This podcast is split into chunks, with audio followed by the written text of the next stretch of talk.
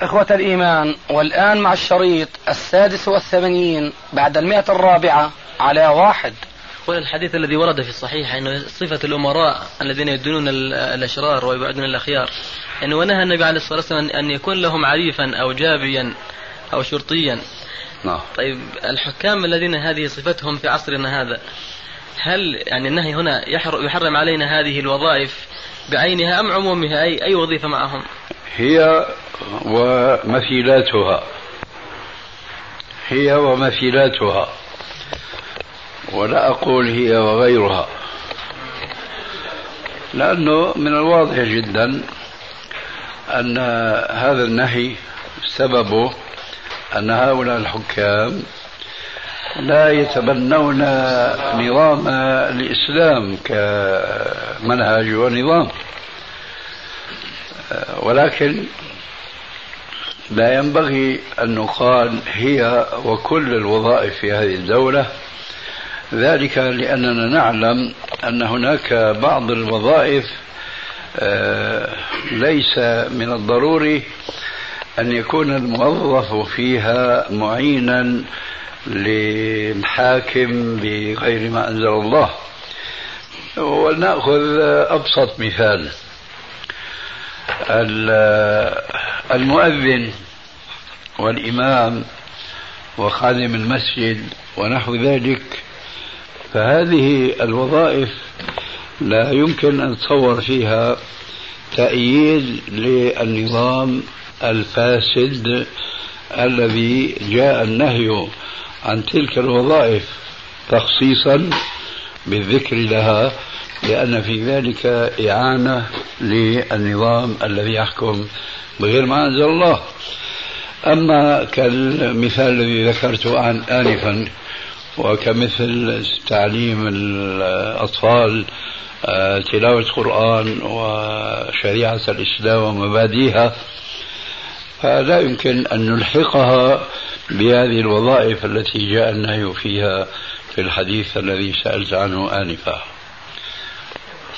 في منقول لاحظ عبارة عن ابن تيمية انه مثل بعض عن بعض هذه الوظائف كالجابي مثلا إذا كان في يعني تولى هذه الأمور الفسقة يعني كان يجب على أهل الصلاح أن يتولوها لا يدعوها لأهل الفساد إن كان قال هذا ابن تيمية فنحن لا نتبعه ولا نرى رأيه لأن الأمر كما قال عز وجل يا أيها الذين آمنوا عليكم أنفسكم لا يضركم من ضل إذا اهتديتم.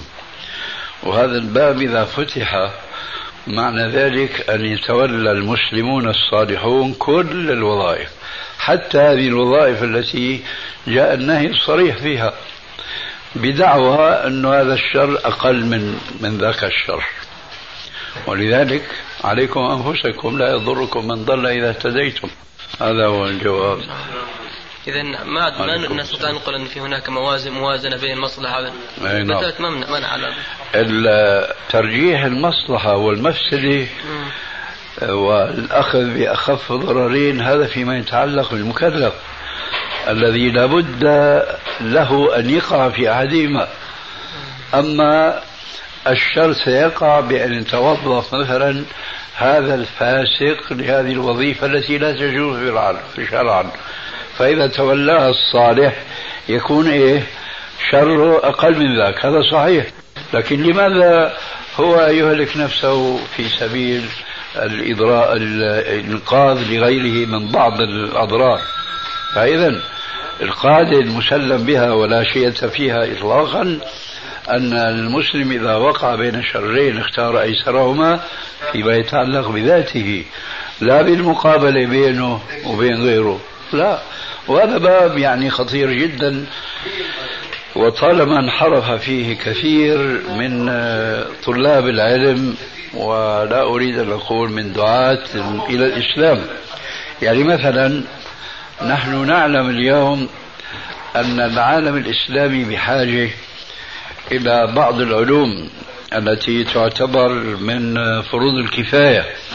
إذا قام بها البعض سقط عن الباقين. من ذلك مثلا أننا بحاجة إلى ممرضات وإلى طبيبات يعالجن نساءنا وبناتنا وأخواتنا ونحو ذلك. ولكن طريق الوصول إلى تحقيق هذا الفرض الكفائي آه، محاط بمخالفات شرعية كما لا يخفى على الجميع. يعني الممرضة فضلا عن الطبيبة حتى تتخرج طبيبة لابد أن تمر في طرق مشوكة كثيرة ولا بد من أن تخالط الأطباء والطلاب الذين يدرسون الطب معها وإلى آخره. ولذلك فبعض الناس يرون أنه ما في مانع أن نسمح لنسائنا وبناتنا وأخواتنا أن يطلبن مثل هذا العلم لأنه أمر لابد منه كما ذكرنا آنفا. فأنا جوابي ليكن كبش كبش الفداء غيرنا ولا يكن كبش الفداء بناتنا ونساؤنا. عرفت كيف الموضوع؟ بمعنى آه نتصور كما هو الواقع مع الأسف ليس في هذا العهد بل وفي أطهر العهود فيها ناس ليسوا يتقون الله عز وجل تمام التقوى. في العهود الأولى فضلا عن القرون المتأخرة هذه.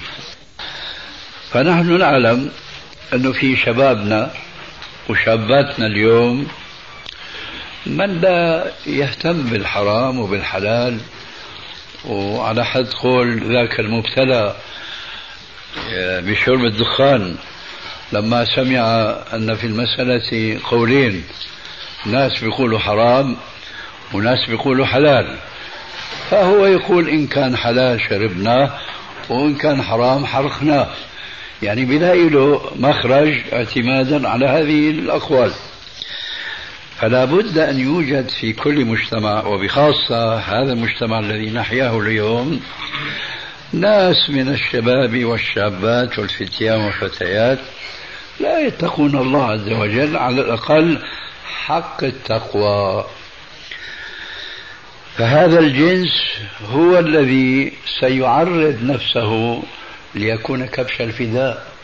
إذا نحن بنحافظ على أنفسنا كشباب وبنحافظ على نسائنا كشابات وفتيات ما هن يكونوا كبش الفداء لأنه مش معقول أنه كل فرد من أفراد النساء لازم يكون إيش؟ طبيبة. ولا كذلك كل فرد من أفراد الشباب يكون طبيبا. الأقل من هالجماع هو اللي بده يكون طبيب أو طبيبة. حينئذ يتقدم من لا يبالي بالحرام والحلال كما قلنا وستخرج نساء طبيبات مسلمات ما هن كافرات لكن تقواهم يعني بقدر. بعد ذلك يأتي جيل تخرج طبيبات مسلمات صالحات على أيدي تلك الطبيبات التي تخرجن التخريج الأول. بهذا يمكن المسلم أن ينقذ نفسه من أن يوقعها هي أو من يلوذ به من النساء أو الشباب فيما حرم الله عز وجل بحجة أن المصلحة تقتضي ذلك. فسنقول أن هذه المصلحة يمكن أن تحقق على أيدي أجناس أخرى من الشباب والشابات. واضح الجواب؟ هذا كمثال ينفذ بنا إلى أننا إذا فتحنا باب أنه يكون عندنا طبيبات مسلمات خير من طبيبات كافرات أو فاسقات. سنقول هؤلاء؟ سيتعرضن للفتنة. ولذلك نحن نسد هذا الباب عن الصالحات من المؤمنين أو المؤمنات. هذا أنا أعتقد أن المخرج يكون هكذا إن شاء الله. بهذا الكلام الطيب شيخ جزاك الله خير بالتفصيل أنا ذكرت كلامك نقل لبعض الأخوة أنه هو كان يعمل شرطي. شرطي. شرطي. آه. فلما سمع الله الرسول عليه الصلاة والسلام إذا كان في فساد في جماعة من الأمم إنه ما يكون قائم على هذا العمل شرطي. قال ولكن يعني في إلي أعمال خير أعملها. آه. لكن في مرة من المرات وجدت نفسي ماني مستطيع أعمل خير. قلت كيف؟ قال وضعوني عشان أتصيد الناس اللي هم من بتابعوا الحشيش والمهربات. كيف؟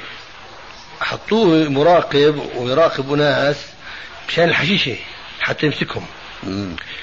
فقالوا إذا أنا مضطر إني أتفاعل معهم وأكون واحد منهم. وإذا ما فعلت هذا مش حتحصل على ال- على المطلوب. أي مشكلة. قال وفعلا وقعت أنا في في الشيء المحظور. في المخالفة. في المخالفة قال بعدها عملت من. قال لك يا أبو ليلى كما قلنا في الأمس القريب عسلك الله. فخرج من العمل هذا. وفعلا قال في مخالفات كثيرة كنا نضطر إلها لابد فمن هذا. الباب سبحان الله يعني ومن حام حول الحمى يوشك أن يقع فيه. هذا الحديث مهم جدا. منذ أسبوع تقريبا أتيح لي أن أرى في التلفاز تمثيلية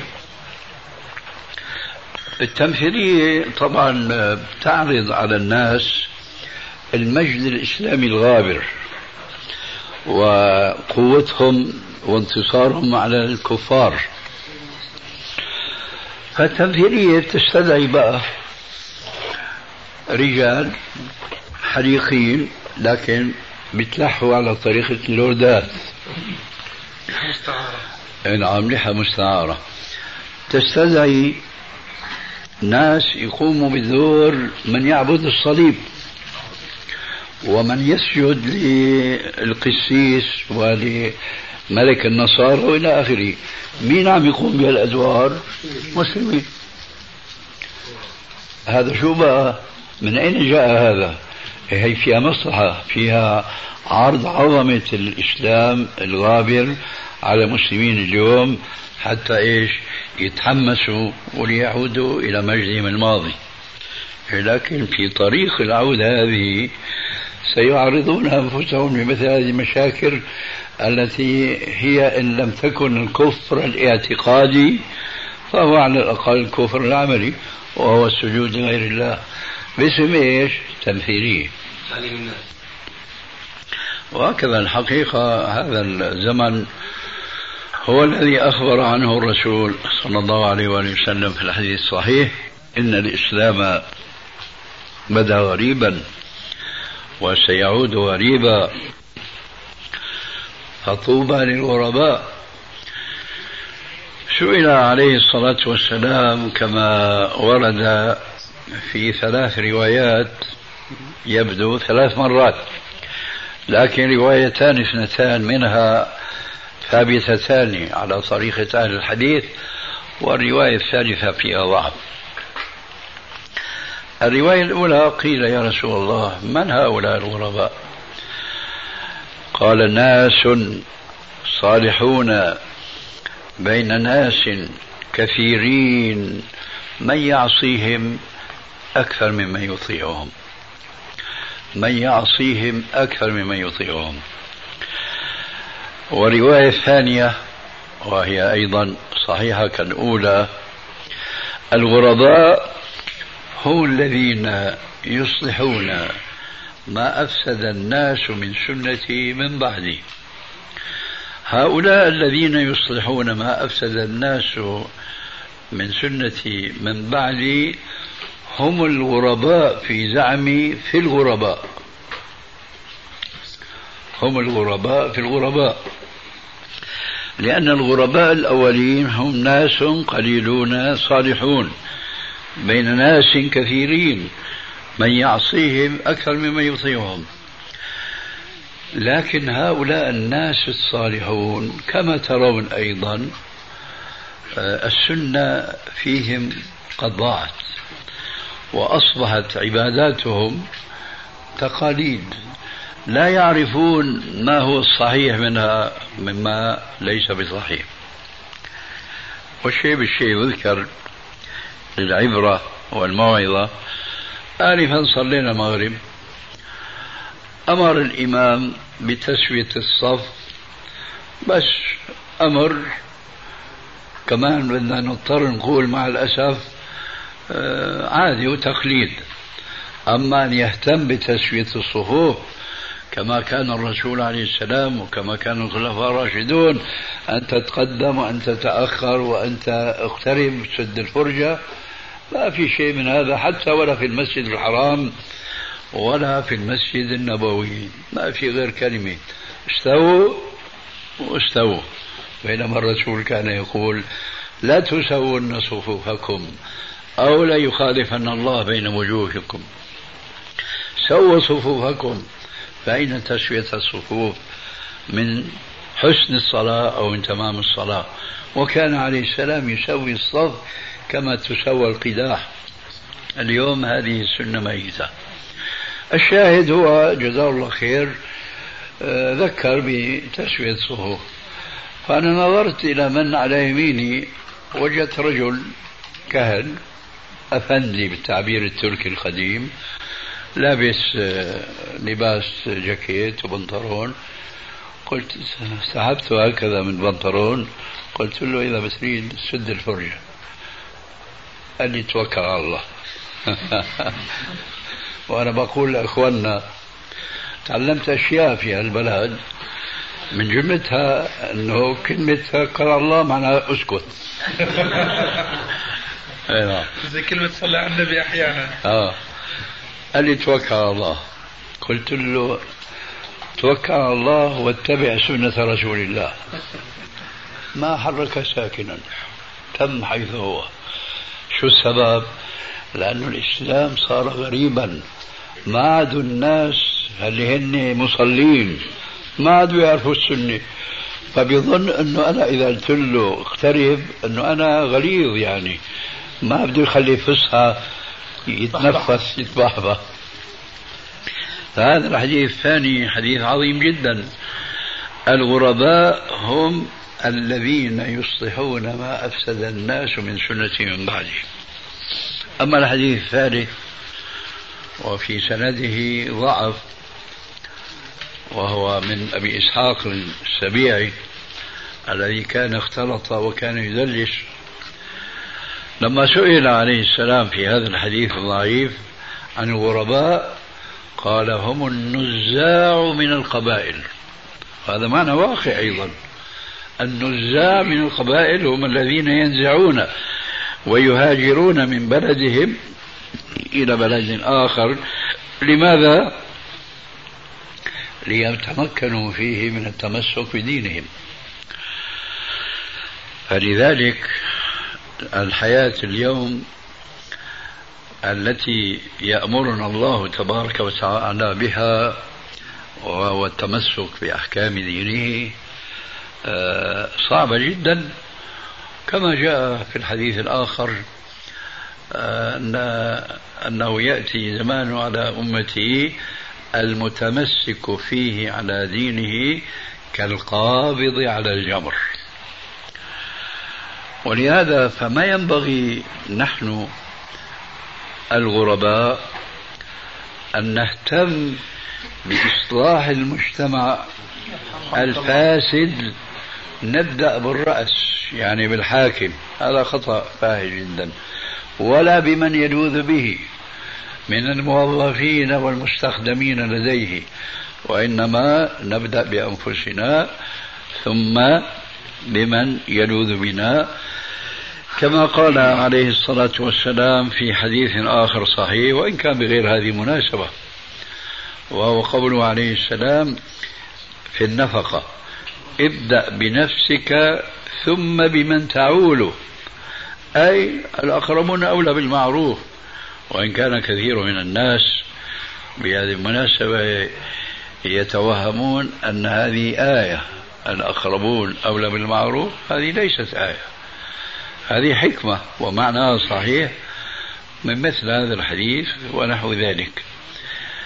آه، وأنذر عشيرتك الأقربين بينما هو بعث نذيرا للناس أجمعين من كان في زمانه ومن سيأتي من بعده ولكنه خص الأقربين بالذكر لأنهم أولى بالعناية بهدايتهم وإرشادهم. وإخراجهم من ضلالهم. هكذا يكون الأمر. شيخنا بالنسبة للمسألة اللي ذكرتها قبل قليل مسألة هؤلاء الذين يمثلون ويسجدون وكذا. طيب يذكر علماء التوحيد هنا يعني تتميم للبحث أنه لا فرق في الكفر بين الهازل والمازح والضاحك. فهذه القاعدة على إطلاقها ثم هل تنطبق في هذه الصورة أم هناك موانع من تطبيقها؟ لا أنا ما أعتقد هذه الصورة تنطبق على هذا الحكم لأن هؤلاء ينطبق عليهم وإن كان هذا ليس بالسهل أيضا. قل هل ننبئكم بالأخسرين أعمالا الذين ضل سعيهم في الحياة الدنيا وهم يحسبون أنهم يحسنون صنعا هم يظنون أنهم يخدمون الإسلام بهذا. ثم قد يقع ذنبهم ومسؤوليتهم على من يرخص لهم بمثل هذه الأعمال. مما الذي من الذين يتبنون آه، عملا واعتقادا قاعدة كافرة. ما أظن مسلما يجرؤ على أن يبوح وعن أن يصرح بأنها قاعدة إسلامية. ألا وهي قولهم الغاية تبرر الوسيلة. أعود لأقول لا أتصور مسلما يجرؤ أن يقول هذه قاعدة إسلامية بل أسمع كثيرا يقولون هذه قاعدة أوروبية غربية. قاعدة الذين وصفهم الله عز وجل في القرآن الكريم بقوله قاتلوا الذين لا يؤمنون بالله ولا باليوم الآخر ولا يحرمون ما حرم الله ورسوله ولا يدينون دين الحق من الذين أوتوا الكتاب حتى يعطوا الجزية عن يد وهم صاغرون هم الكفار. فما أعتقد أن مسلما آه، يستطيع أن يبوح وأن يصرح أن هذه قاعدة إسلامية. لا. ولكن مع الأسف هذه القاعدة الآن ينطلق منها كثير من الإسلاميين فيستبيحون ما كان محرما بنفس المعنى الغاية تبرر الوسيلة لكنهم لا يصرحوا بذلك. فطالما رأينا قديما وحديثا أما قديما فكان العلماء المحققون ينكرون الاحتفال بما يسمونه بالمولد النبوي. وكانوا ينقدون هذه الاحتفالات من نواحي شتى. بعضها جذرية أصلية وبعضها عارض. أما الجذرية والأصلية آه، هو أن هذا الاحتفال بالمولد النبي صلى الله عليه وسلم من الحوادث بل من المحدثات التي لم تكن في القرون الأولى الثلاثة المشهود لها بالخيرية. فهذا وحده يكفي لمنع المسلمين من أن يحدثوا في الدين ما لم يكن في القرون الأولى.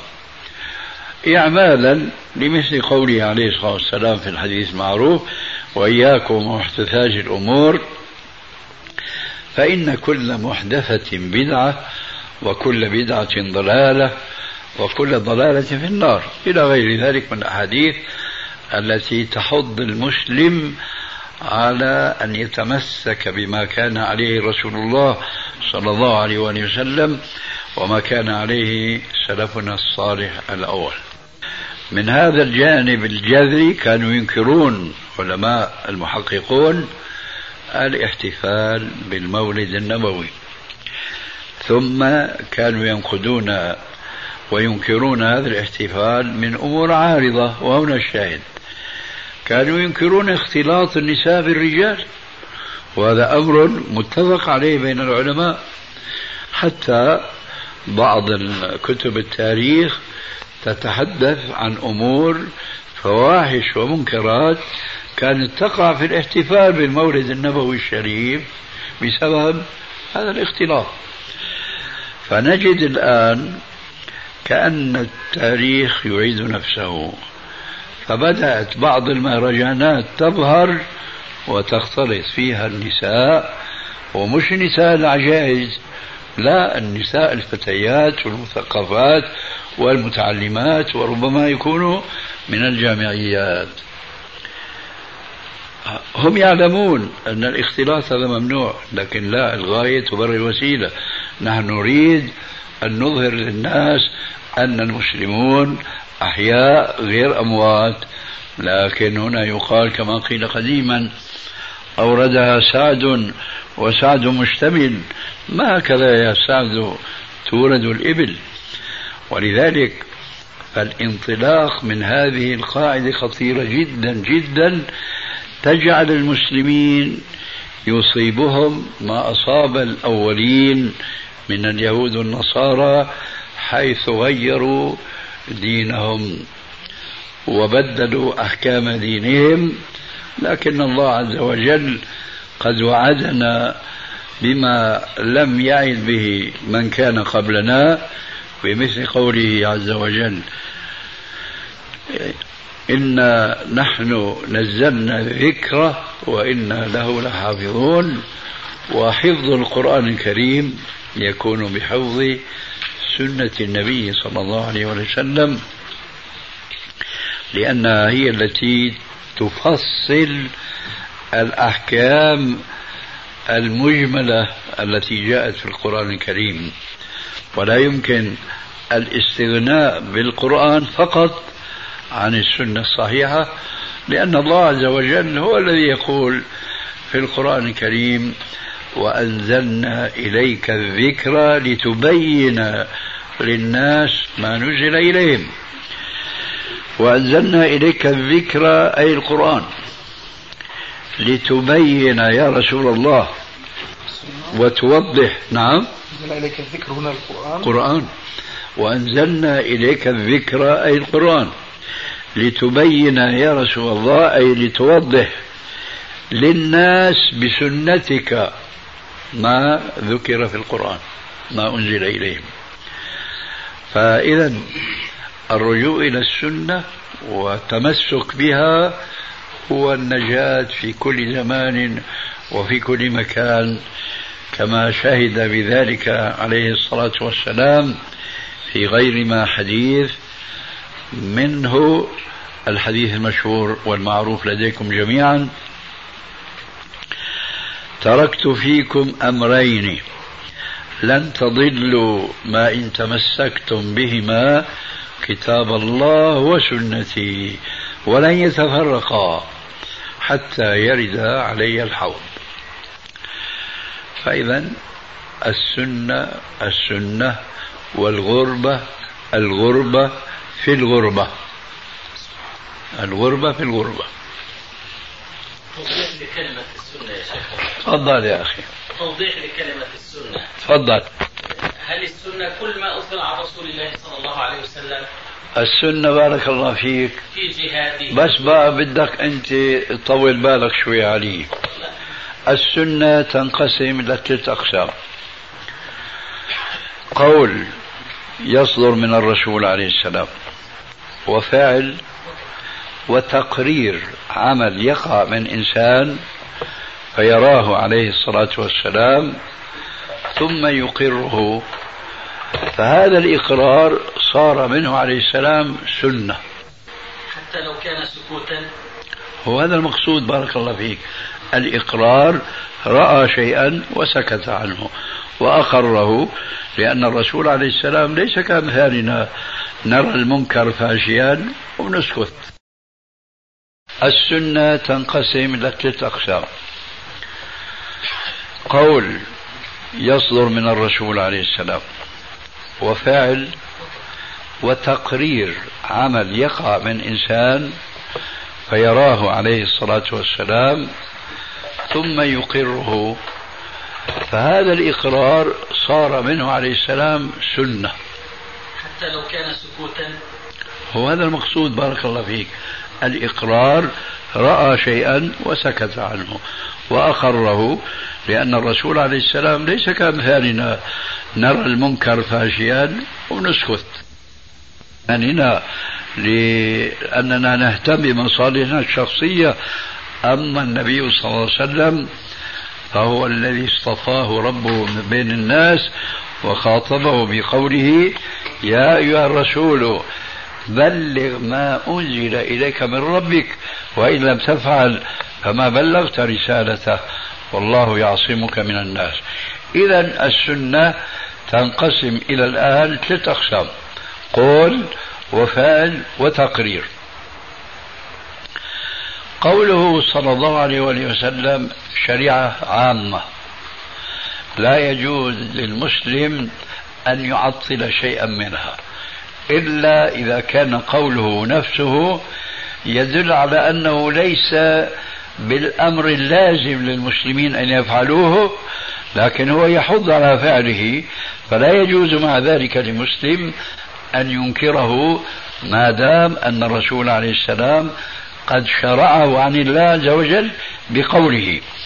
وأنا أضرب مثلا بسيطا يوضح هذا الذي أقوله الآن أنه قول صدر من الرسول من جهة لك ألا تفعله لأنه ما أمرك به أمر إيجاب. لكن من جهة أخرى لا يجوز لك أن تنكره لأنه صدر من النبي المعصوم. مثاله. بين كل أذانين صلاة. لمن شاء لمن شاء كراهية أن يتخذها الناس سنة. وهذا إشارة إلى السنن القبلية التي قبل الفرائض الخمس. وهي تنقسم إلى سنة مؤكدة وسنة مستحبة ولسنا الآن بهذا التفصيل. ولكن أريد أن ألفت النظر كمثال أن قوله عليه السلام بين كل أذانين صلاة تشريع يجيد للمسلم أن يصلي مثلا ركعتين قبل إقامة صلاة المغرب. يجيز ذلك لأنه قال لك لمن شاء ولكن لا يفرض ذلك عليك. وبناء على هذا لا يجوز لمسلم أن يقول لا يا أخي ما في سنة قبل المغرب. وقد قال الرسول بين كل أذانين صلاة لمن شاء. لماذا قال لمن شاء؟ خشية أن يفهم بعض الناس من هذا التعبير النبوي. بين كل أذانين صلاة أنه هذا حتم لازم لابد منه. لا أتبع الحديث بقوله لمن شاء وبين الصحابي. لما قال الرسول لمن شاء؟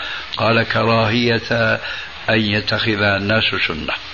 هذا قوله صلى الله عليه وسلم أقل قول له يفيد الجواز وفوقه المندوب والمستحب إلى آخره.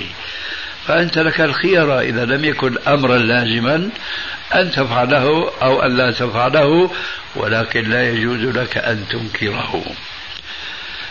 ومثالنا آنفا ذكرنا الناس اليوم لا يصفون كما كان الرسول عليه السلام يحض الناس أن يتراصوا بأقدامهم ومناكبهم ليس لهم الخيرة ألا يفعلوا ذلك لأنه أكد ذلك عليهم بقوله لتسون صفوفكم أو ليخالفن الله بين وجوهكم فقال أنس مالك وقال النعمان بن بشير فكنا إذا قمنا للصلاة ألصق أحدنا كعبه بكعب صاحبه ومنكبه بمنكب صاحبه.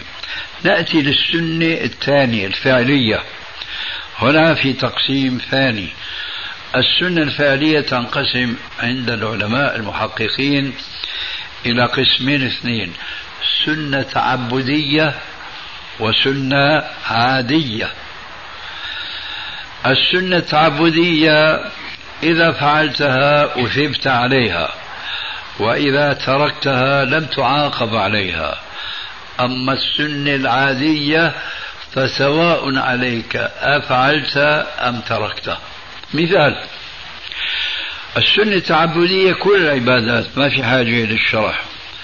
أما السنة العادية ولعل هذه التسمية تكون غريبة على بعض الأذهان. هي نفسها شيخ عفوا سنة الزوائد ما يقول بعض علماء السنة نعم. سنة الزوائد نفسها هي العادة سنة الزوائد أحسن. فمثلا الرسول صلى الله عليه وسلم كان له شعر تارة يبلغ شحمتي الأذنين تارة رؤوس المنكبين. فلو أحب الإنسان أن يربي شعره فله ذلك. لكن لا يجوز له أن يتقرب إلى الله بهذا لأنه سنة تركية وعادية. وبخاصة أن الرسول عليه السلام قال في الحديث نرجع للقسم الأول القولي قال احلقوه كله أو اتركوه كله. لما دخل عليه الصلاة والسلام مكة فاتحا دخلها وله أربع غدائر أربع ضفائر. وهذه العادة لا تزال موجودة في بعض البوادي العربية. ما في مانع أن يفعل المسلم ذلك كما أنه ما في مانع أن لا يفعل لأنها ليست سنة تعبدية وإنما هي سنة عادية. أي عادة العرب كانت هكذا. والرسول عليه السلام ما جاء ليحطم كل العادات وإنما جاء ليقوم بعض العادات السيئة. هذه كانت دعوته عليه السلام. كذلك مثلا جاء في الصحيحين من حديث أنس رضي الله تعالى عنه قال كان لرسول الله صلى الله عليه وسلم نعلان لهما قبالان. القبال هو السير. يعني أشبه شيء شو بتسموه أنتم صندل شاروخ. صندل. أربع أصابع ببيت والإبهام في بيت. هذا معنى كان لرسول الله صلى الله عليه وسلم نعلان لهما قبالان. فإذا واحد لبس صندل له أو لكل منهما قبال واحد. لا يقال خالف السنة. لماذا؟ لأن هذه سنة عادة وليست سنة عبادة. أو لبس الحذاء أو البوت أو أي نعل آخر. ما يقال خالف السنة. وعلى ذلك فقس. ومن المهم ومن المهم وأنا الآن آه، أدع الكلام لك. من المهم أن أضرب مثلا معينا. كثير من الناس من الخاصة فضلا عن العامة يتوهمون أن العمامة سنة عبادة وليست كذلك. العمامة تماما كالقلنسوة. قد تكون القلنسوة لاطية ما أدري. هل محوكة. هي مخيطة ما بتلطى. شو لابس انت؟ هي هي قلنسوة مش مهم بقى تكون هيك ولا تكون هيك. تكون أقصر تكون أطول. مش مهم. ناس بيلبسوا إلى عدن قريب ما يسمى في بلاد الشام وغير الشام بالطربوش. تعرفون الطربوش؟ الأحمر هذا إلى آخره. ناس يضعون العمامة الحطة. بدون عقال وناس بيضعوا عقال هذه كل عادات. لا يقال هذا أصاب السنة وهذا خالف السنة. لماذا؟ لأن هذه من سنن العادة وليست من سنن العبادة بمعنى أن الرسول عليه السلام كان يتعمم. لكن العمامة كانت قبل بعثة الرسول عليه السلام. أي هذه عادة عربية. فما في مانع أن المسلم يتعاطاها ولكن لا يحشرها في زمرة العبادة. فهذه العمامة التي تطورت في زمن الأتراك وصارت كما ينقل عن محمد عبده عمامة كالبرج وجبة كالخرج هذا ليس من الإسلام في شيء أبدا. ولهذا يجب إذا تكلمنا عن السنة الفعلية أن نذكر أنها تنقسم إلى قسمين سنة عبادة وهذه إذا فعلها المسلم يثاب عليها وسنة عادة فسواء فعل أو ترك. الآن تفضل ما عندك. يا أخي الكريم سمعنا عنكم وقرأنا عن علماء أنا وتابعنا هذا الموضوع ويمكن ندخل في نقاش مع طلابنا أحيانا ما هو الحد الفاصل. يعني في خلاف ما بين ما قرأناه في جامعة دمشق وما بين آه، كتبكم أو بعض آه، مذاهبكم أو اجتهاداتكم. الحد الفاصل ما بين سنة الزوائد والسنة التبعية حد يعني خيط لن نستطيع أن نمسك طرفه. أنا ذكرت. لك أول الخيط آنفا. قلت لك أن بعض هذه السنن التي نقول إنها سنن عادة كانت في الجاهلية قبل بعثة الرسول عليه السلام. فهي- على سبيل المثال. إذا سمحت. تفضل تفضل. كانت في الجاهلية قبل بعثة الرسول عليه السلام. نعم. فهو أقرهم عليها. منها هذه العمامة. منها النعال اللي تحدثنا عنها. فهذه ما دامت كانت معروفة من قبل من عادات العرب في الجاهلية وهم كما تعلمون وثنيون الذين عندهم. نعم. فأقرهم الرسول عليه السلام على ذلك فصارت جائزة الفعل. والرسول بالتالي بحكم المحيط الذي كان يعيشه كان أيضا يلبس ما يلبس الناس ولا يتميز عليهم بشيء آخر. لكن سأعطيك الآن آه، مميز آخر غير الشيء الذي فعله العرب من قبل ثم فعلوه في زمن الإسلام والرسول عليه السلام أقرهم على ذلك. فكان هذا من أمور العادية التي لا يتدخل الشريعة فيها. أفعلها المسلم أم تركها؟ ولكن إذا جاء حديث من أقواله عليه الصلاة والسلام.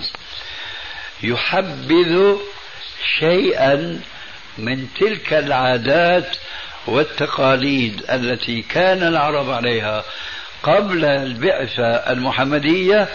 حينئذ هذا القول يرفع من شأن تلك العادة ويدخلها في سنن العبادة ويخرجها عن سنن العادة. مثلا قوله عليه الصلاة والسلام خير ثيابكم البياض. فألبسوها أحياءكم وكفنوا فيها موتاكم. إذا اللباس البياض خرج عن كونه من سنن العادة ودخل في سنن العبادة. هذا هو إذا المقياس. إن جاء شيء كان العرب يفعلونه والرسول أقرهم عليه فهو سنن عادة. وإذا حبذ الرسول عليه السلام شيء من ذلك انتقل من سنة العادة إلى سنة العبادة. هذا هو الفاصل. الذي تسأل عنه. ولعله واضح. اللحية. أي نعم.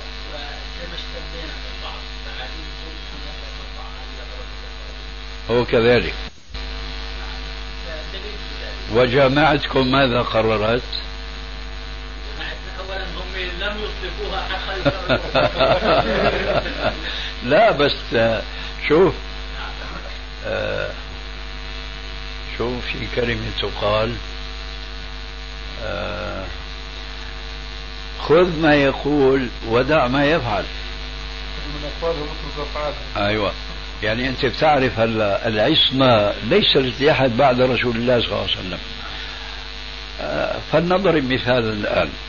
هل يوجد مسلم آه، أستاذ في الجامعة أو بغير الجامعة يقول يجوز للنساء المسلمات أن يتبرجن؟ لا لا لا لا, لا عفوا اسمح لي. أرجو أن يكون جوابك في حدود سؤالي. طيب تفضل هل يوجد هل يوجد عالم سواء كان دكتور أو كان شيخ يعرف الإسلام يقول يجوز للمراه المسلمة أن تتبرج؟ لا يقول لا لا يجوز أن آه. يقول لا يجوز أن لا. يا أستاذ الله يهديك سؤالي يوجد أو لا يوجد هل يوجد من يقول بجواز تبرج المرأة المسلمة؟ لا يوجد لا يوجد هذا هو الجواب لكن الآن أسألك ألا يوجد نساء كثير متبرجات لبعض المشايخ والدكاترة؟ يوجد يوجد. ها شايف شلون؟ طيب كيف إذا ارتفعت في تفضل. تفضل يا سيدي. إذا نأخذ من قولهم وندع من فعلهم. فهذا اللي بدرسنا مثلا قوله تعالى من المفسرين في العصر الحاضر دكتور أو غير دكتور. يا أيها النبي قل لأزواجك وبناتك ونساء المؤمنين يدنين عليهن من جلابيبهن. لكن مرته ما بتتجلبب شو نساوي بقى نحن؟ نأخذ من قوله وندع من فعله. إذا نعود الآن. سألتني عن اللحية وذكرت وأصبت نحن نقول الفرضية. فدكاتركم في الجامعة شو بيقولوا؟ أنت حولتني لفعلهم. شو بدنا بفعلهم؟ حو- حولني لقولهم لأنه البحث الآن قولي. مش أنا ملتهي وأنت مالك ملتهي. كل لا، لا، نفس طبعاً حكم كل نفس. بما كسبت رهينة. نعم. شو بيقولوا الدكاترة اليوم بالنسبة يا أخي لله؟ الكريم نعم أنا سمعت. بس بدي أقول لك أنا حاولت أحلل الأدلة. هم يعني الحقيقة الأدلة الوا يعني التي ذكرت عن اللحية. في كتيب لكم وفي كتيب للشيخ محمد الحامد رحمه الله وأنت تعرفه. رحمه الله. نعم. الأدلة التي ذكرت منك يعني علم الأصول شوي حاولت أن أتبحر به قليلا. أدي أدلة معظمها عقلية. والدليل العقلي كما يقول علماء الأصول هو ظني في دلالته فالخطأ أو الخلاف بيني وبينك إذا أنا لست في مستواك يعني إنما كل مسألة فقهية مطروحة للنقاش. الأدلة ما يقول علماء أن الأدلة العقلية لا تقوى على الفرضية. ما أعرف أول نتفق على هذه القاعدة الأصولية أم لا نتفق؟ شوف يا أستاذ أبو إيش بيقولوا لك؟ أبو معاذ. أبو معاذ. أعاذنا الله وإياك من الهوى. إن شاء الله. أولا بريد ألفت نظرك وأنا مستعد أمشي معك وجاوبك عن سؤالك بس أيضا أرجو أن تتنبه أنك أنت حدت عما سألتك حيدة أخرى. الله هل, الله هل لاحظت هذا أم لا؟ معنا إمام المسجد يا شيخ. إن شاء الله لنا عودة إن كان في المسجد أو هنا. وإذا إمام المسجد. وإذا عزمت فتوكل على الله. إن شاء الله تعالى. بس انتبه أنا سؤالي مش إلك. سؤالي عن الدكاترة ماذا يقولون في اللحية؟ فأنت ما أجبتني. إحنا لا قيمة لقولهم. عفوا يا شيخ. أنا ما أجبتك. لا. لأنه إذا سمعنا نقيض منك واقتنعنا به فلا قيمة لقولهم. لأنهم قد يكونون على عدة اجتهادات متناقضة. لكن نريد أن نفهم يا أستاذ. في جامعة نريد دمشق أن نسمع لم ماذا يقولون. إليها إلا الدكتور آه، محمد سعيد رمضان البوطي إلى السنة تبعية. أما لدرجة الفرض لم يرفعها أحد من العلماء من دكاترة جامعة دمشق. أيضا حتى إذا لم ما السؤال ما لك رأي تجاوب فأنت حر بقى أنا بقول لك. أنت قلت ماذا يقولون؟ آه بينما أنت قلت قال فلان. أنا أنت تسألني عن دكاترة جامعة دمشق. الدكتور محمد سعيد رمضان البوطي رفعها إلى درجة السنة التبعية. والدكاترة الآخرين. والباقون الشيخ مصطفى الزرقاء أعتقد رفعها إلى درجة التبعية السنة التبعية. أما بقيتهم فإلى السنة العادية. ماذا تعني بالسنة التبعية؟ هي السنة أقل من السنة المؤكدة في حسب تعاليمهم فهم. حسب فهمهم كويس أنت إلك رأي بقى من هذه الآراء ولا إلك رأي غير هذه الآراء أنا من كت... الأدلة اللي أوردتها في كتيبك مع اللي أوردها الشيخ محمد الحامد لم تقوى إلى درجة الفرضية كما هو رأيي المتواضع جدا يعني معلش بارك. الله فيك بس أنت ما عم تعطيني رأيك شو رأيك من هذه الآراء توافق شيء منها ولا لك رأي يخرج عن كلها؟ لا أنا ليس لي رأي لكنني أريد أن أعرف صحة الرأي. وصحة الرأي نحن نأخذ الحكم الشرعي من الدليل. هذا ما في شك فيه. الأدلة التي وردت أنا أقول لك يعني وقد أكون مخطئ هي لم تقوى إلى درجة الفرض لأنها معظمها عقلية تقول تغيير لخلقة الإنسان أو لطبيعة الخلق اللي خلق الله الإنسان. نحن نحن و... نحن نخالفك تمام المخالفة أن تسمي هذه الأدلة أدلة عقلية. ولذلك فأرجو منك أن تعيد لي إذا ذهبت مع الإمام لتصلي مع الجماعة إن شاء الله. أن ترجع لحتى نتم هذا البحث المهم. شو رأيك؟ إن شاء الله تعالى. والله يا أخي هو إحنا نسأل لا نحن مكلف لنفهم والله وحتى نتبع. ونحن نحن شو بنريد غير هيك؟ كل أنا كل- لم كل- أقرأ كتابك إلا لما كنت طالب في جامعة دمشق قبل 25 عام هذا. كلنا ذاك الرجل. بارك الله. فيك يا أبا معاذ. تفضل. كلنا ذاك الرجل. كلنا نحرص على أن نفهم. إن شاء الله لكن عليه. لكن بركة العلم هو نضحه تحريكه نعم. بالمذاكرة. ولذلك فأنا أتمنى أن تعود إلينا. إن شاء الله. حتى السؤال يا أخي الكريم السني قد يكون متبعيك وأنا أقولها بحق قد يكون متبعيك لا يفهمون حقيقة ما تريد من كلمة السنة أو والله أنت وسعت علينا الدائرة. كنت بيني لا لا وبينك كنت بيني وبينك حشرتنا مع الدكاترة. كنت بيني وبينك حشرتنا مع إخواننا. فخلينا نحن هلا أنا وأنت ونتفاهم لا. شاء الله. إن شاء الله إن شاء الله. يعني كلمة السنة هيك شوي يعني في جماعة حاولوا يقيدوها إيه، لحدود معينة يا شيخ. أنا بقول الإخوان اللي أنت أشرت إليهم وأنا لا أعرف أعيانهم وأشخاصهم يعرفون السنة وهم عوام أحسن من كثير من الدكاترة. وعلينا البيان.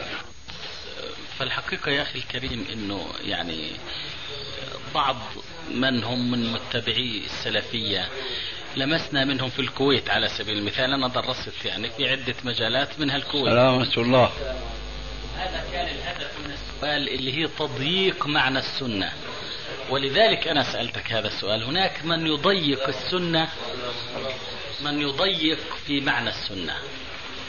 من السلفيين؟ فلا أدري لماذا. يعني كأنه يحصرها في بعض. عليكم. السلام. وعليكم السلام ورحمة الله وبركاته. آه شو رأيك بالسنة هي تضييق ولا توسيع؟ أي أي السلام. هي هي شو عم يساوي هلا رجال؟ مصافحة مصافحة. المصافحة. وأرجو أن يكون الجواب في حدود السؤال. هذه تضييق للسنة أم توسع لها لا علم لي بذلك. نعم. لا علم. سمعت منك حكم القيام. سمعت منك قبل عشرين عام. أم أسألك يا أخي هل لا أدري لا أدري. ما تدري. لكن أنت شفت شيء بزمانك الدورة هاي؟ أنا لو جلست لا أسلم إلا بالسلام عليكم بس. طيب أنت ضيقت السنة الآن. بارك الله فيك. أقول لك عن جهل. أنا ضيقت عن جهل. طيب عفوا. تفضل. عفوا لا تضطرني أنه أتكلم كلام يسوءني أن أسيء إلى أخي. لا لا إن شاء الله ما أنت ما, ما بتقول- عهدنا بهذا. أنت الآن تنقد ناس نحن ما نعرفهم وتقول عنهم بأنهم يضيقون السنة. وإذا أنت وقعت في هذا التضييق. أنا وقعت عن جهل. إذا وقعت فعن جهل. وقد يكون أولئك أيضا وقعوا عن جهل. فما ولذلك لنا فما لنا ولهم. نعم. بارك الله فيك. ما لنا ولهم أليس من مبادئ الإسلام أم لم ينبأ بما في صحف موسى وإبراهيم الذي وفى ألا تزر وازرة وزر أخرى وأن ليس للإنسان إلا ما سعى؟ أليس كذلك؟ طيب.